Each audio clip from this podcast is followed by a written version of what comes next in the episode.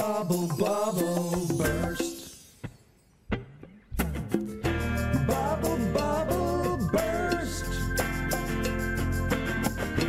Bubble, bubble, burst. Hjertelig velkommen til Boligbobla TV, denne gang med boligprisstatistikken for august. Og vi spør hvordan ble utvikling i boligprisene sist måned. For boligprisene i Norge de har steget med 5,2% fra januar til juli i år. Og det er langt mer enn de fleste forventet ved inngang til året. Og de økte rentene har enda ikke begynt å bite på boligprisene. Så hvordan ble utviklingen i august? Vi lodde stemningen før og etter slipp av Eiendom Norges boligprisstatistikk, og vi spør også hvordan Oslo skal løse den kronisk lave boligbyggingen i byen. For å ta oss gjennom dette, så har vi fått med oss noen eh, flotte gjester. Eh, hjertelig velkommen til deg, administrerende direktør i Eie eiendomsmegling, Hedda Ulnes. Takk. Og hjertelig velkommen til deg, eh, boligutvikler, må jeg vel kunne kalle deg, Emil Påske fra Agate Utvikling. Takk. Men først så må vi jo begynne med deg, Hedda. Altså, vi i Eiendom Norge. Vi er jo bare i boligmarkedet én gang i måneden eh, når vi kommer med boligprisstatistikken. Eh, dere, våre medlemmer, dere er der hver eneste dag. Og du har allerede vært ute i avisen og, og antydet at det er ting som eh, foregår i markedet. Hva er det som foregår? Ja, eh, vi sitter jo tett på markedet som eiendomsmeglere. Og det er vår mulighet til å bidra til det totale bildet av hvordan boligmarkedet fungerer. At vi kan si litt om hvordan våre meglere opplever eh, markedet. Eh, og det du sikter til, er jo at vi var ute og snakket om at vi ser at det er flere som etterspør verdivurderinger. Og at man i større grad da vil anta at de da bruker det til å gå til bankene for å re vurdere refinansiering av lånene sine. Og eh, det handler jo om at renten er høy, det. Og at man eh, har behov for å, å, å se om det er muligheter til å få bedre tilbud i banker. Fordi at levekostnadene og rentene akkumulert sett gir eh, høye kostnader for folk. Og da må man se hvordan man kan Nei, med det. vi har jo sittet der måned etter måned og vært overrasket over at dette, hva skal du si, renten er blitt eh, steget betydelig. Mm. Men det har ikke kommet noe skift så langt ennå. Men, men du antyder altså egentlig at det er folk er ute og behov for å gjøre noe med finansieringen? Ja, det er vel litt nok nå for folk. Det begynner å stramme seg godt til, og alle merker det. Uansett alder, eh, geografi eller inntektsgrunnlag, så merker folk det nå, at renten biter. Og den doble renteøkningen fra juni, den kom jo i august med seks ukers varslingsfrist. Så det er kanskje nå det virkelig begynner å slå til. Mhm. Og vi har nok ikke sett effekten av det i boligmarkedet i august, men jeg tror for fremtidig utvikling i boligmarkedet, så vil dette ha betydning. Men hvordan eh, det har august vært da på, på salg og volum og aktiviteten i markedet? Det er jo normalt altså august-september. Det er jo to av de månedene med størst aktivitet i, i boligmarkedet. Bruktboligmarkedet. Det starter jo i august, det er høysesong det. August og september er absolutt eh, høy, høy aktivitet i boligmarkedet, og det har vi også sett i år. Så jeg syns jo ikke at eh, august isolert sett eh, ut eh, skiller seg ut fra andre august og andre eh, så, så jeg tror vi fortsatt har et ganske normalt boligmarked, og vi kan sammenligne det med fjoråret også. Så foreløpig så tror jeg det er relativt normalt. Så det blir spennende å se hva Ja, eh, normalt så skal blir. boligprisen altså litt opp i august. Har du har du noe bedt på, på hvor vi skal? Ja, jeg, eh, og- det enkleste å spå er jo da å spå noe som ligner på den normalutviklingen vi har, og det er jo en eh, boligprisvekst, da. Kanskje noe svakere enn det vi er vant med. Eh, Men jeg tror kanskje på en svak vekst, ja. Emil, dere, dere er jo utviklere og, bygger jo både boliger i Oslo og Kristiansand, og jeg vet ikke om det er flere steder også. Eh, Men eh, det er jo virkelig vært en krise i nyboligmarkedet. Er, er det like ille hos dere som det er hva skal si, de store tallene? Det er tøft. eh, Og det som er spesielt med nyboligmarkedet, er at man må jo selge boligen, i hvert fall deler av boligene, før man kan byggestarte. Eh, Og hvis man ikke får solgt en andel av de boligene, hvis det er et leilighetsprosjekt på 100 leiligheter f.eks., og ikke får kommet opp til den 50 ja, da blir det ikke noe bygging. Og det har vi egentlig sett nå siste året.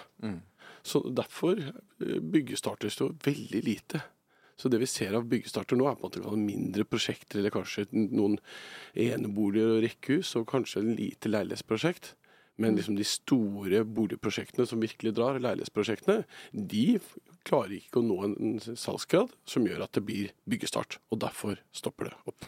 Men altså for, for bruktboligmarkedet så vil jo dette litt, litt frem i tid. Det vil jo, vil jo bli katastrofe. Altså Det ferdigstilles jo ganske mye nå, altså inn mot sommeren. Det er jo det vi har hørt. Det har vært ganske mye overleveringer. Og fra det som ble solgt for et par år siden. Men altså om, to år så vil jo det da være ingenting.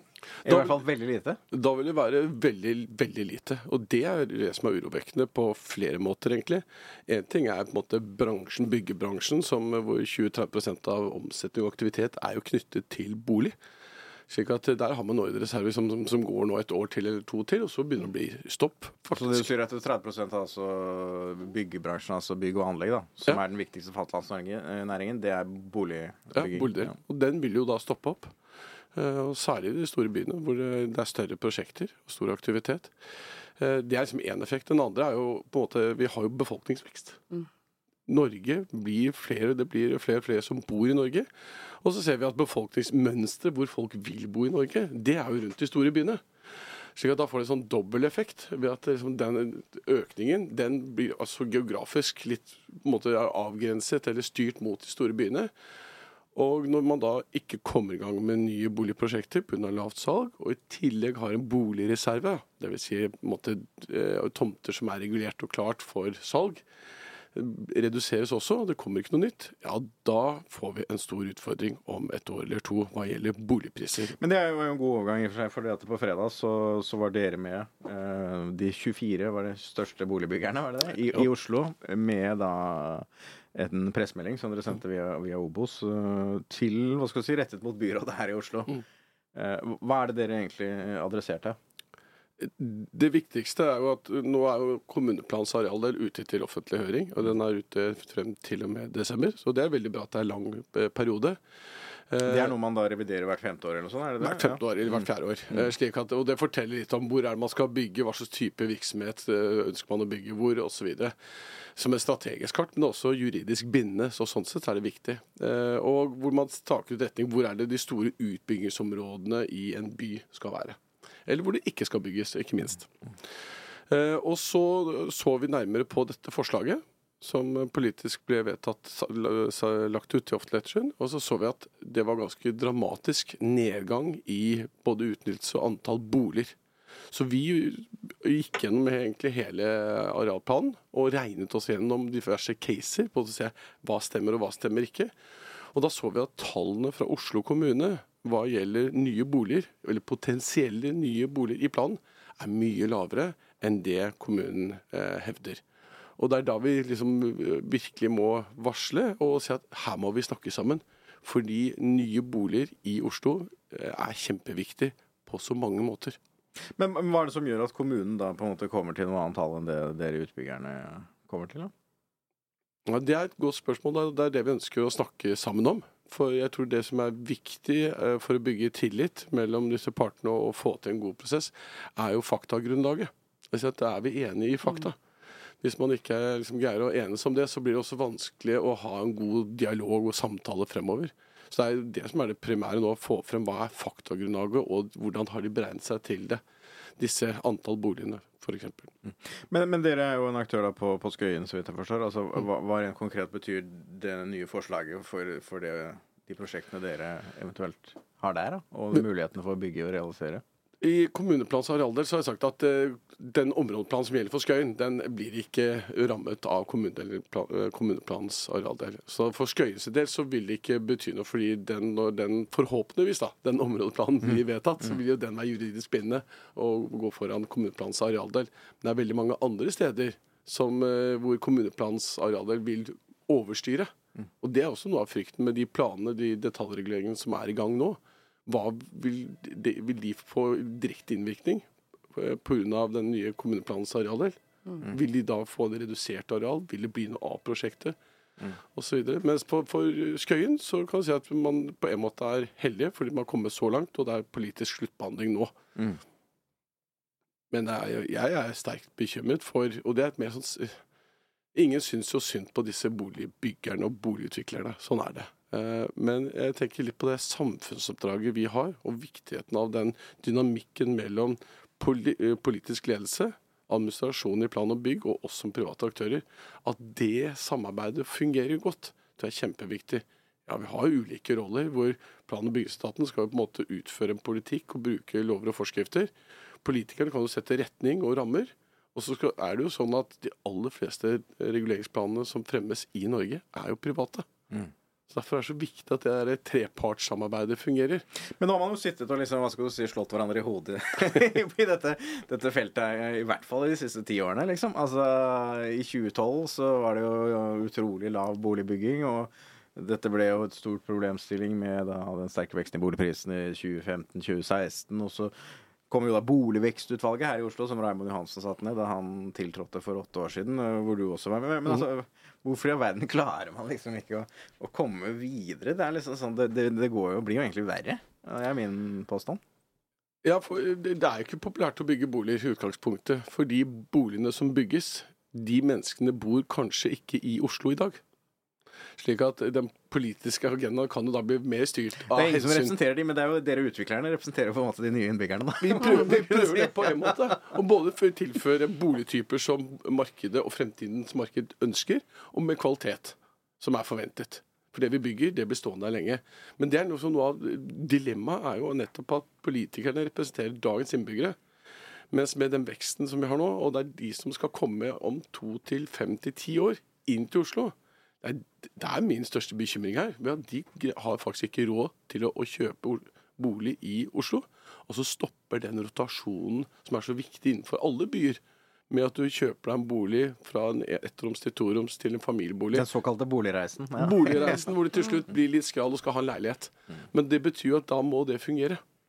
Og det er jeg, er jeg veldig usikker på, og frykter på at det ikke kommer til å fungere hvis vi ikke tar tak i det, det samarbeidet, eller manglende samarbeid som vi opplever nå.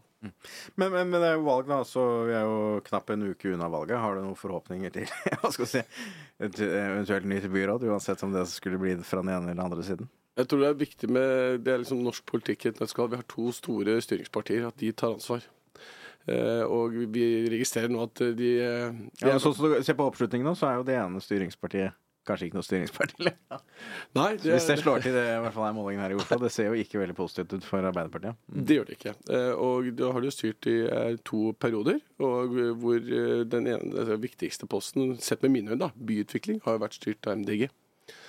Så det blir jo spennende å se. Men jeg registrerer nå at både Arbeiderpartiet og Høyre er jo veldig offensive hva gjelder lovnad om nye boliger i Oslo. Og så får vi se da, om det faktisk er å få gjort om ord til handling når de kommer utover vinteren og videre fremover. Ja, nei, Hedda, det er- jo dystre, dystre spådommer vi hører her. Ja, Samtidig så er det fint at man har kommet dit Det er blitt så ille at eh, aktørene faktisk skjønner at her må vi sette oss ned og snakke sammen. Så eh, der har dere vært flinke til å faktisk sette dette på agendaen nå i høst, og faktisk få gehør for at man må snakke sammen. Eh, For å få løse disse utfordringene som eh, vil eh, ha konsekvenser langt frem i tid. Og det vil jo presse bruktboligprisene oppover. Det vil jo skape et A- og B-lag. Det vil eh, ikke bli plass til de som skal være her, eh, og som vi trenger. Eh, Og ikke minst gjøre noe med den leilighetsnormen. Den er jeg også opptatt av. Så gjerne ha mindre, mindre enheter i Oslo by. Det trenger vi for at unge skal flytte inn, og ikke minst de, de enslige. Det er, eller halvparten av husholdningene er aleneboere, så da må vi tilrettelegge for, for det i, i Oslo spesielt. da. Og det, de, de spørsmålene vi nå jobber med, er jo såpass store eh, at det blir vanskelig å diskutere. Eh, fordi det er sånn samfunnsøkonomiske perspektiver med lang horisont.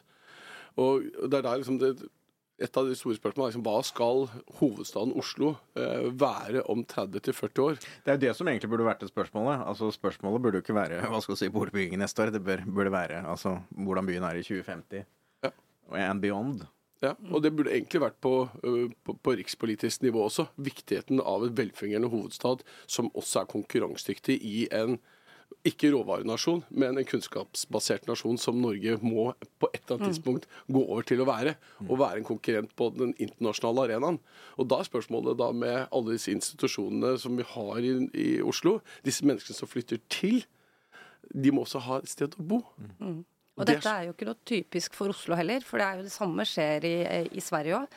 Der er det jo fall i boligpris, eh, altså på fall i, i, i nyboligmarkedet så det synger etter. Enda verre enn i Norge. Og eh, folk kansellerer de inngåtte kontraktene over en lav sko i Sverige. Så vi har jo samme utfordring, og Australia er litt av det samme også. Det er eh, lav eh, nyboligutbygging, og eh, kombinert med det er lokalt, men et Ja. globalt problem. Ja, Ja. ja. Så det er, gjelder jo flere storbyer rundt omkring i verden som har samme type problemstillinger oppe på bordet nå. Så det må finnes noen løsninger her. Men altså, altså, vi har jo snakket om det tidligere på forsommeren. Altså at eh, ja, enten så må man kanskje velge, da. Boligprisene må mye oppover hvis du skal få bygging på de kostnadsnivåene som er nå.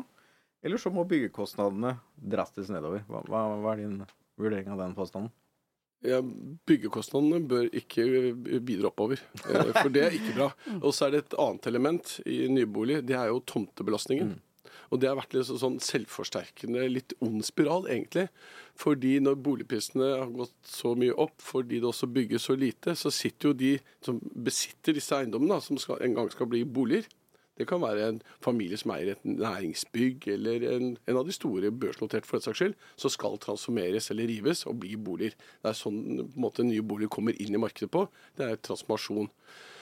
Eh, og hvis de da sitter med lave kapitalkostnader og ser at bare prisene øker, tomteprisene øker, så blir jo de egentlig bare rike ved å sitte helt stille og bare drive med det de gjør. Fordi prisene går oppover. Så det blir sånn selvforsterkende.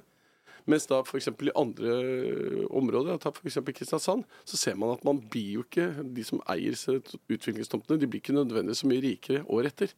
Fordi man har klart å fikse tomteproblemstillingen. Yep. Ja, på reguleringssiden. Ja. Du sitter ikke med en scarce resource, en begrenset ressurs. da. Og, og, men det gjør man i Oslo. Og da har man ikke så dårlig tid på å selge den eiendommen til en utvikler. Sånn at den påstanden som um, jeg registrerer flere kommer med om at disse utviklerne de spekulerer i å vente, det kan jeg love, det gjør de ikke. Der Det er i tilfelle de, de som sitter på den tomten som de anskaffet for lenge siden, som sitter og spekulerer. Ja, for da, men da har man jo kjøpt den for mange mange år siden. Men de har jo en virksomhet her. Altså, Ja. det skal, klart skal, du, skal du utløse den tomtegevinsten, da, for å kalle det det, eller Mm. realisere den, så må det være noe bedre enn det du allerede har av virksomhet her i dag, nødvendigvis. Og det er vel litt det som har vært typisk på, på Ensjø, typisk da, da det ble bygget ut. Altså Mange av de bilforretningene som var der, de, de syntes det var greit. Ja. Og, Og da var det kommunen da som tok eh, hva skal vi si, rollen for å koordinere, og, og faktisk fikk eh, dultet da de eh, tomtebesitterne til å finne på noe annet.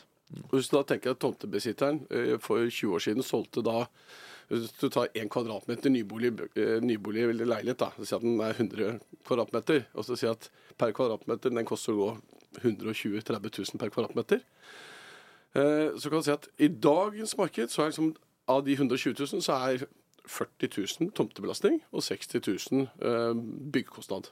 Det koster 100 000 å Ja, du, si? før du har tenkt finans alt mulig, så er det på 100 000. For 20 år siden så var det regnestykket helt annerledes. Fordi da var ikke tomtebelastningen si 40 000-50 000. Da var den på 3000. Mens byggekosten var på 20 Så det er tomten som da har gått uh... Gått voldsomt. Fordi man har regulert for få boligprosjekter. Så de som har sittet med disse prosjektene som har vært næring, de har hatt god tid. For de ser at de er med på reisen.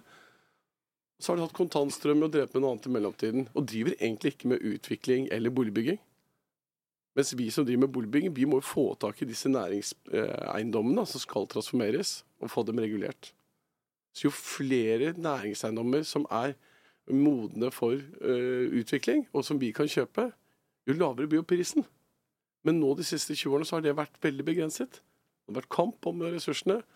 Oslo uh, vokser, og da går prisene fra 3 til 40 000-50 000. men, men var det liksom Kristiansand er jo blitt fremstilt på som sånn case hvor, hvor man har fått til dette her. Er, det liksom kommunen da som har fått ned tomteprisene der, eller er det øh, generelle tilgang på land? Det er, det er en blanding. Nei. Og det er jo kommunen som også bestemmer tilgang på land. I Oslo så er jo på en måte kommunen avgrenset av sjø og skog. Men innenfor det så er det masse områder. I Kristiansand så sa de at, liksom at i kommuneplanen at det skal være vekst. Det skal være en kontrollert vekst. Og så har man da dekomponert det til å si at jo, det betyr 700-800 boliger per år skal leveres til disse nye innbyggerne. Hvor skal det være? Det er jo et betydelig vol- volum hvis du sammenligner på størrelsen på byen og Ja, med, med andre byer i. Norge, så er jo det stort. Ja, nettopp også fordi at de sier at det skal være konkurranse, og folk skal kunne flytte hit med kompetanse men en OK lønn. Så at det skal også være konkurransefortrinn for å attrahere folk til Kristiansand, for å skape eh, verdi for, eh, for byen. Da. Og da sa de at ja, men da må vi ha en tomtebank, da, à la boligreserven i Oslo, som er ganske stor. Og som også har en modenhet, slik at man kan levere 700-800 boliger hvert år. Og Da snakker man med utbyggerne og sier hva er dere av planer nå for å sikre at man har en boligforsyning de neste årene som tilsvarer den politiske ambisjonen til kommunen. Og så betyr det også at da har politikerne sendt en bestilling til plan- og bygningsetaten i Kristiansand om at vi må regulere. Og ja, de har blitt kritisert for at de har åpnet på noen felt utenfor byen. Mm. som Altså på en måte er byspredning. Ja, ja. ja. Som de nå har strammet til og tatt tilbake og sagt at Men ja, mye av det som også bygges i Kristiansand, er jo hva skal du si, fortetting og konvertering av ja, Det er jo liksom fjordby der Absolutt, også. Ja. Så det er jo ikke sånn at det, det er lett byggeri. det er ikke. De har kvadraturen sin, de også, med sin, ikke sant? Med sin historikk. Christian Kvart var også der. Ja, La oss ikke glemme det. Så, og, men det betyr også at det har vært steinhard konkurranse. Prisene har nesten fulgt copy-in inntil de siste to-tre årene. Det er første siste året eller to årene egentlig, To årene, at Kristiansand har kommet. Ja. Mm. Men det betyr også at det er beinhard konkurranse på de som skal bygge, og de som skal Altså. Utbyggerne konkurrerer mye mye mer da, Og det betyr også at de som besitter tomtene, de kan ikke sitte lenge og tro at den går til himmels, fordi det er så stabilt og har tøff konkurranse. Og da ser man effekten er at man får gode boliger med høy kvalitet til en fornuftig pris, både litt utenfor, men også inne i byen, med ordentlig eh, arkitektur. Men altså, det dette viser, er jo at kommunen kan hvis, hvis man vil. altså, De kan hvis de vil, og det er jo kanskje det man etterspør. Og si at man må tørre å ta noen viktige valg. Fordi boligforsyning er utrolig viktig for byene. Og Hvis ikke så har, har ikke folk noe sted å bo. Har ikke råd til å bo der. men hvorfor har, det, hvorfor har det da gått feil vei da i Oslo kommune nå de siste årene? Du så jo, Det kom visst en sak i Aftenposten nå snart, så hun sendte meg noen tall. Mm. Men altså, det er jo påfallende altså, hvordan da reguleringstakten har gått ned bare de siste to-tre årene. Det er jo Mm. massiv nedgang. Det er dere har vel ting dere vil realisere, dere også? Absolutt. Eh, Og noe av utfordringen er at når det blir så dyrt, og det tar så lang tid, nå har det passert seks år, så betyr det at uh, utviklerne ser etter andre steder. Leie ut til parkeringsplasser, er det noen som spøker med? Nei, det- ja, men, men det betyr også at uh, måte, konkurransen i Oslo blir mindre mangfoldig. For det blir så dyrt og kapitalkrevende, og det tar så lang tid, at det er bare noen få som har muligheten å drive med boligutvikling i Oslo. Og det er også ganske uheldig for mangfoldet. Stavanger og Sandnes har jo vokst eh, mye bolig, nei, innbyggertall. eh, Så jeg nei, der, Henning la ut. folk er tilbake der, ja. Ja, så, og der har de også vært, eh, litt sånn som Kristiansand, vært flinkere til å regulere. Tatt, ras, eh, tatt kortere tid. Og der har de fått til ganske mye nyboligutvikling i, i de senere årene. Så har det også vært perioder med lav prisutvikling, da, som har dempet det noe. Men nå er det litt på, på vei opp igjen, opplever jeg. Det Hva tenker vært- du? Ja, det, det altså absolutt. Og så tenker jeg i forhold til for å ta opp det med eh, boligbygging og hvem som har ansvaret, for staten er jo ikke til stede, mener jeg da. Det er jo Statsforvalteren er veldig til stede på fortetting i andre byer. Ikke sant? Ja, At Hva man har- vil det si? Altså fortetting de... ja, de stiller krav til at når Ja, at man skal oppnå regulert- da, at, at, altså, at det- mange boliger per ja. ikke sant? For at folk skal bo tett Ja. og bruke kollektivtransport. Det er jo de berømte statlige planretningslinjene. Ja, ikke sant. Og det kunne man jo brukt mye tøffere i Oslo. Hvor på en måte man bruk- brukt innsigelsesinstituttet. Det vil si at de, de, planen blir ikke juridisk gyldig. Overprøve politikerne.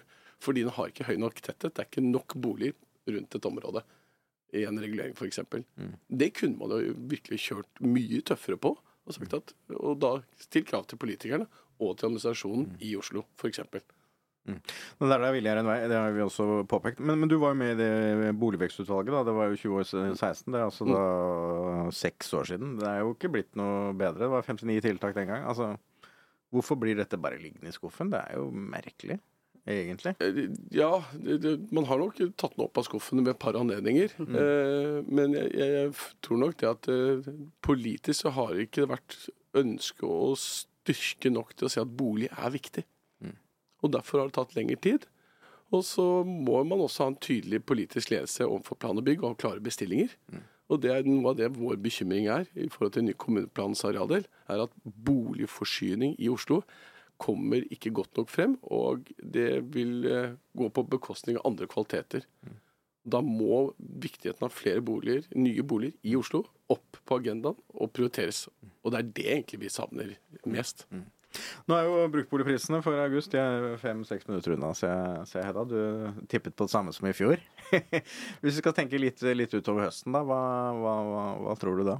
Nei, da blir det jo som vanlig, da. Et boligprisfall etter hvert som eh, ja. Men det var ikke vanlig den høsten vi hadde, i- hadde i fjor. Da. Altså, I fjor falt jo boligprisene ja, nesten 10 faktisk mm. fra, fra, fra toppen. Da. Det, du kan jo se for deg et tilsvarende konjunkturforløp. Altså, for vi har jo hatt ganske veldig sterk vekst i boligprisene så langt i år. Opp 5-6 på, på landet, og litt forskjeller, da. Men du kan se for deg at det blir bratt utforbakke nå Ja. denne høsten også. Ja.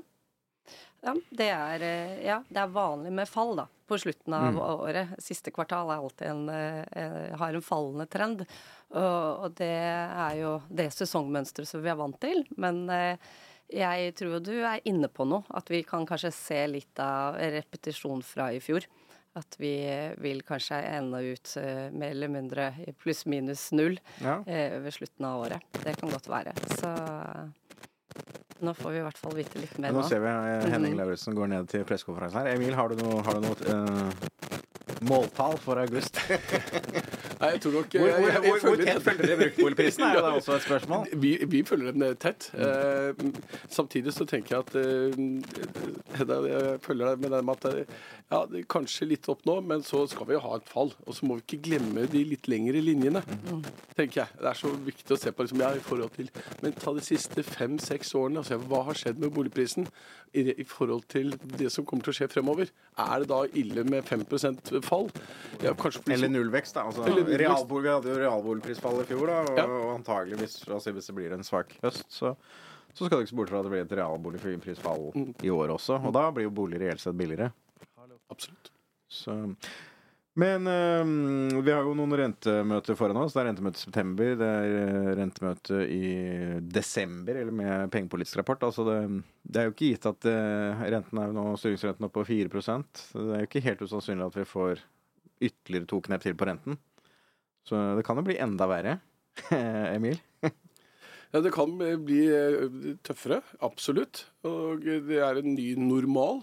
Eh, Og det vi er opptatt av, er på en måte forutsigbarhet. Å se når er man ser rentetoppen. Det tror jeg er viktig for de som skal kjøpe bolig, enten det er brukt eller nytt. Det er liksom se konturen at den dempes, og man ser en retning på at men dette er den nye normalen, eller går litt ned. Så lenge den går oppover, så er folk skeptiske. Og tenker her må vi sitte litt stille og ta vare på lommeboka. Men altså rentene har jo kanskje større betydning for dere utviklerne og, og eierne av, av profesjonelle eiere av eiendom enn forbrukerne, eller? Absolutt har det en påvirkning. og du kan si at De siste ti årene så har jo på en måte kapitalen vært rimelig, men vi må også tilpasse oss det. og Skal vi drive sunt og langsiktig, så må vi også tåle en viss rente. Sånn er det bare. Så, så du er ikke bekymret for, hva skal du si, eh, ytterligere at den kanskje ligger på det nivået, normalt nivå 4-5 hva skal du si, de nærmeste årene? Det vil jo være en demper for alt nyboligsalg eh, med, med, med sånt nytt nivå. Fordi det kombinasjonen med at det er blitt mye dyrere ikke sant? per kvadratmeter. Boliger er blitt dyre å, bygge. Og kombinert med at eh, finanskosten, da, eh, rentene, er mye høyere. Mm. Da det betyr det at folk har råd til mindre boliger, eller i størrelse. Og det er en utfordring. Men hvis du ser litt på, på volumet, det er jo det vi i realiteten lever av, Hedda, og dere lever av. Det er jo forbløffende at volumet i bruktboligmarkedet har holdt seg såpass høyt oppe. Man skulle jo, Vi så jo tall fra USA som vi hadde på Eiendom Norge-konferansen før sommeren. altså Der er jo bruktboligmarkedomsetningen gått ganske mye ned. Men her i Norge så holder det jo stand. Mhm. Det er jo overrasket bitte over det? lite grann opp. Litt, ja. Eh, Bitte, bitte lite Ja, grann akkurat opp mot fjoråret, da, men altså- sammenlignet med Men fjoråret. korona er det lite grann igjen. Ja, ja. Korona er jo et, en parentes Ja. hva gjelder volumer. Da hadde vi ikke noe annet å gjøre enn å kjøpe og selge bolig. Eh, Ja, det holder seg, og nå er det jo, nå er det jo mer takten. Hvor, langt vil det ta, hvor lang tid vil det ta før vi faktisk får solgt, Mm. som blir spørsmålet nå. For eh, nå er det jo godt med bolig der ute. Mm. Så, så nå får vi se hvordan, eh, hvor lang tid det tar å få omsatt de. Mm. Så, Men altså omsetningstiden har jo også holdt seg gjennom, gjennom, eh, gjennom året. mm. Mm. Der får vi pressekonferansen inn. Nå er det kort, eh, kort unna boligprisene. Så det ser vi TV 2 også kommer. Så Men Men omsetningstiden har jo holdt seg. Men, men altså, det er jo oppsiktsvekkende at altså vi ikke har fått noe fall, da. Altså totalmarkedet er jo stort. Vi tikker kanskje 100 000 omsetninger, da. Ja, og hvis du ser sånn veldig sånn uh, langt perspektiv på det, da, litt sånn som du var inne på, Mm. uh, som ofte er lurt å gjøre innimellom, selv om vi tar disse, disse statusmøtene hver måned, det er jo rett og slett det at selv i oppgangstider og i nedgangstider så holder jo volumene seg ganske greit. Det er jo unntaket av 2008. Der var det et eh, bratt fall. Da tror jeg vi skal gå over til eh, pressekonferansen her. Det står Henning Lauritzen klar her. Så Hjertelig velkommen til pressekonferanse om boligprisene for august 2023. Og denne utgir vi i samarbeid med Eiendomsverdi og finn.no. I august så steg boligprisene nominelt med 0,4 Sesongkorrigert sank de med 0,6 Ja, da fikk vi boligprisene for, for august, og det var en liten oppgang nominelt med 0,4% og sesongjustert faktisk ned 0,6% og det er svakt, eh, Hedda. Det, det er nå det skjer, kanskje? Skifte? Det kan se sånn ut. Ja, det er en svak, svak, svak vekst. Og det er fordi det har fungert ganske greit hittil nå. Men eh, nå, nå kommer eh, det til å være et taktskifte. Det vil jeg mene. Nei, fordi dette, jf. hva vi snakket om på, før vi fikk tallene, og hva Mm. mange har spådd, så er jo dette betydelig svakere. Mm. Eh, hva, hva tenker du om det? Hva, hva er det som eh, Ja, nå er det vel eh, Vet ikke hvem du tenker på som har spådd hva. Vi snakket om Nei, at det ville bli ikke om deg konkret, men nå snakker jeg det om, prisvekst. altså, Hvis du snakker om sjefsøkonomene, så lå Ja. det vel deres estimater langt over dette, Nettopp, faktisk. ikke sant? Og, Ja. Ja, men de sjefsøkonomene pleier jo ikke å treffe De så bra, da. De pleier jo å få ta feil, det må sies. Så- Det er med makrokompetanse og mikrokompetanse. Ja, altså. Jo da, men det er jo normalt en, en vekst i august, Mm. og, og de fleste har lagt seg på det. Og så er den betydelig svakere, og vi har jo fått noen signaler på det eh, om at det ville være noe svakere. Det sa jo vi også eh, her i sted. Så, men at det var såpass svakt, er jo overraskende. Mm. Det, er jo, det, er, det tegner jo til at det er et skifte på gang. Det er noen signaler som vi må ta alvorlig nå. Mm. Og litt tilbake til det vi snakket om, eh, om renter og renteutviklingen. Eh, sett eh, fra mitt ståsted så tror jeg man skal være litt varsom med å ytterligere øke renten fremover. Mm. Det vil eh, få ganske betydelig effekt nå. Eh, og vi har ikke tatt ut de siste, den siste rentehevingen heller, så jeg Ja, det er jo en, med en betydelig forsinkelse, av renten virker. Mm. så, så jeg er Jeg, jeg syns jo at fra vårt ståsted at vi ser allerede effekten av den tidligere rentehevingen. Hva folk gjør, hvordan folk agerer. Og da med ytterligere én eh, renteheving eh, fremover. Kanskje to, til og med, utover Ja. høsten. Ja. Så, så vil det kunne være Vi skal være litt varsomme i forhold til eh, boligmarkedet. Og den tregheten som er, ikke sant, fra man bestemmer å sette opp renten til at renten faktisk slår inn i folks lommebok, det tar litt tid. Og I tillegg så er jo det som er spesielt med Norge, er at de aller fleste har flytende rente.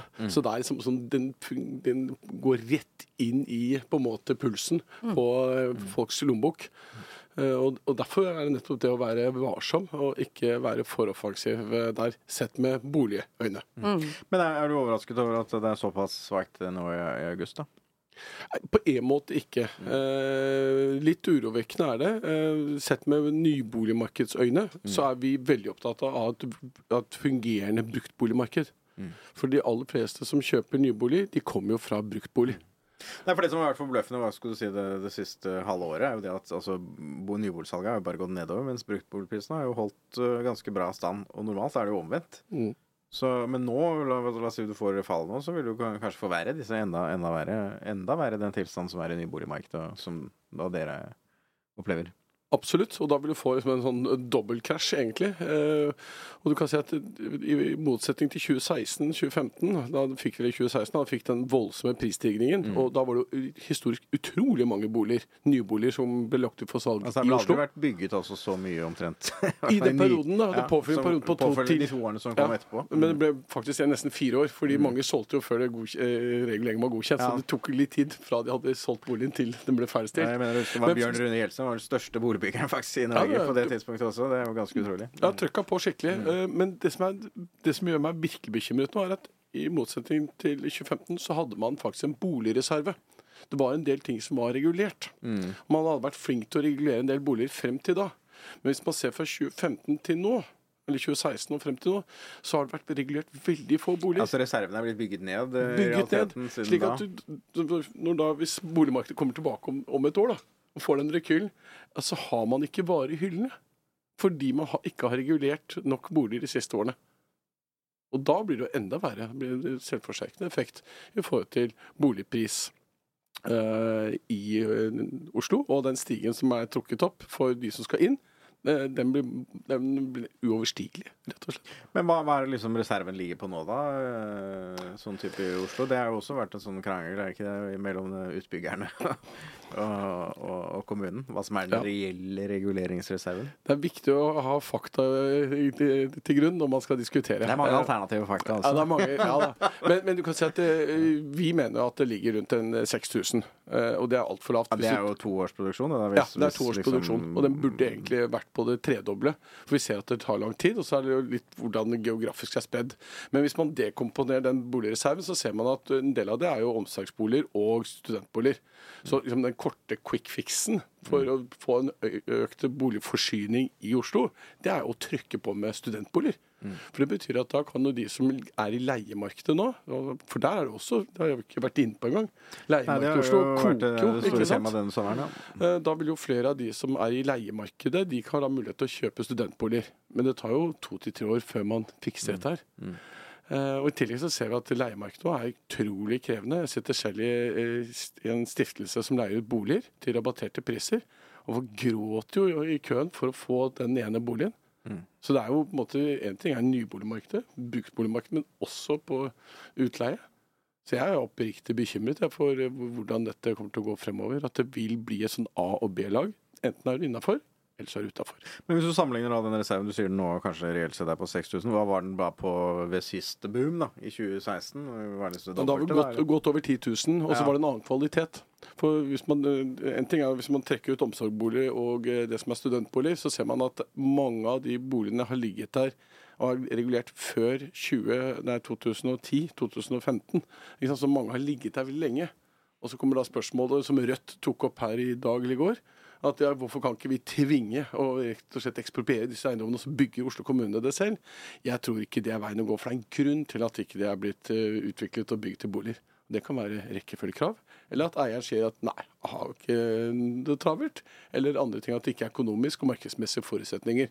Men det at utviklerne sitter på en, på en tomt og lar den bare vente for å tro at man skal tjene mer, den sannheten, den er ikke til stede.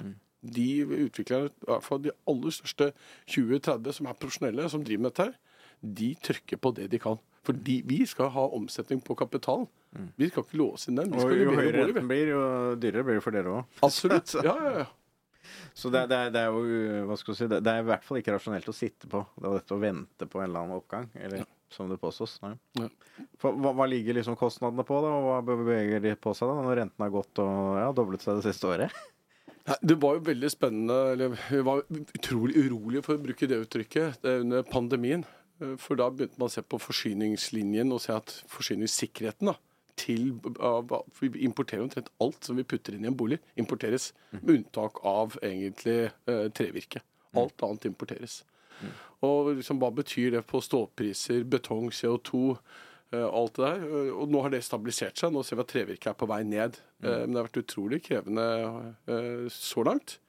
Og så er det da spørsmål da med lønnsoppgjør. Hva skjer da? Fordi av, eh, du kan si at Hvis du dekomponerer byggekostnaden, så er jo lønnskostnaden Den største nærmere kostnaden, antagelig. Ja. yes, Så det er jo lokale kroner. Og den kommer jo nå. Nå neste år. kommer det var det 5,4 det i lønns, lønnsoppgjøret? Ja, og Hvis du da sier at eh, lønna er, er nærmere 60% da, mens materialkostnaden er 40 så, Så sett i lys av det, så skal byggekostnadene ytterligere opp, antagelig. På en måte ja, på en annen måte nei, for vi ser at konkurransen blir beinhard. Og det har man sett i tidligere kriser også. Det skal vi ikke glemme, er at når det har vært veldig bra lenge, så går effektiviteten ned. Eh, Men det er først når man ser skriften på veggen klemt inn i et hjørne, at eh, entreprenørene virkelig står på og eh, greier å produsere mer for mindre penger. Det så vi i post-finanskrisen også. At da droppet jo byggekosten med 10-20 De greide å tjene penger for det. Men hvis vi tar litt tilbake til bruktboligprisene. Det er jo, det er jo fortsatt regionale forskjeller. Altså, ser jo Noen steder i landet så er det, bygges det seg opp en ganske god tilbudsside i bruktboligmarkedet. Så Tromsø her, eh, så delvis Oslo her også. Eh, Det er, det er fortsatt forskjeller, da. Det, og i Viken er det også en stor tilbudsside. Mm. Hva, hva forklarer du det med?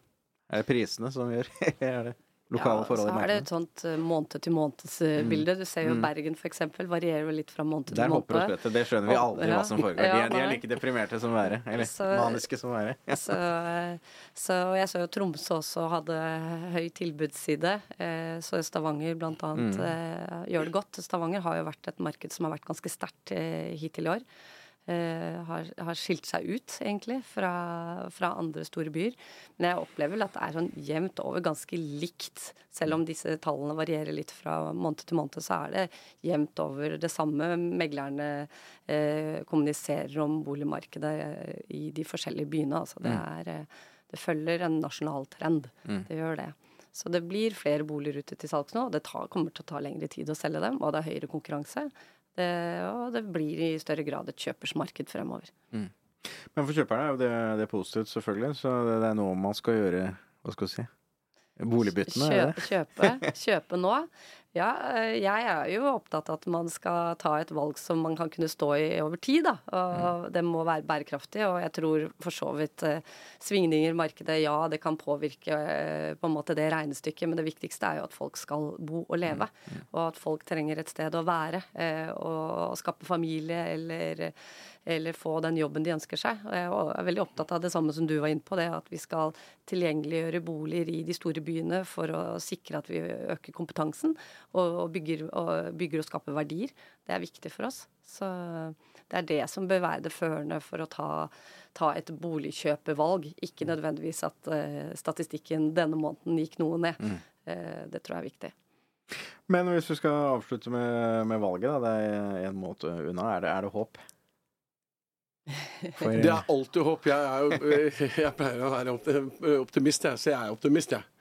Eh, Utfordringen er at eh, skriften på veggen må bli enda større, enda tydeligere. Og så må politikerne i fellesskap, enten det er lokalt i Oslo eller andre storbyer, eller sentralt på rikspolitisk eh, nivå, se viktigheten av at det bygges nok boliger, slik at folk har råd og muligheten til å bo og leve og jobbe der de ønsker. Det tror jeg er kjempeviktig for at vi i Norge skal ha en konkurransedyktig og kraftig eh, samfunn også om 20 år. Og det er det perspektivet som de må ta inn over seg nå, fordi det tar så lang tid å gjøre noe med. Det er ikke noe quick fix. Ja, det høres ut som kloke ord. Har du tro på Ja, jeg, neste periode? Jeg støtter det du sier. Jeg tenker bruk stemmeretten, er det eneste jeg har lyst til å si om det politiske. Og for alle seerne og lytterne ja, til å gjøre det. Bruk Om de ikke allerede bruker den. Ja. Bruk den. eh, Men også sørge for at det tilrettelegges for eh, nye boligkjøpemodeller. Og at man er rask på å, å regulere og tilrettelegge politisk eh, og regulatorisk for, for, for det. Kombinert med økte, eh, økte muligheter for å bygge, bygge boliger, rett og slett. De to tingene må virke sammen også. Ja, det høres ut som et bra siste ord. Da Hjertelig takk til Hedda Ulvenes i Eie eiendomsmegler. Hjertelig takk til Emil Påske i Agate Utvikling. Og vi i Boligbobla vi er tilbake med nye episoder av vanlig Boligbobla før du vet ordet av det. Så hjertelig takk for denne gang. Bubble, bubble, burst.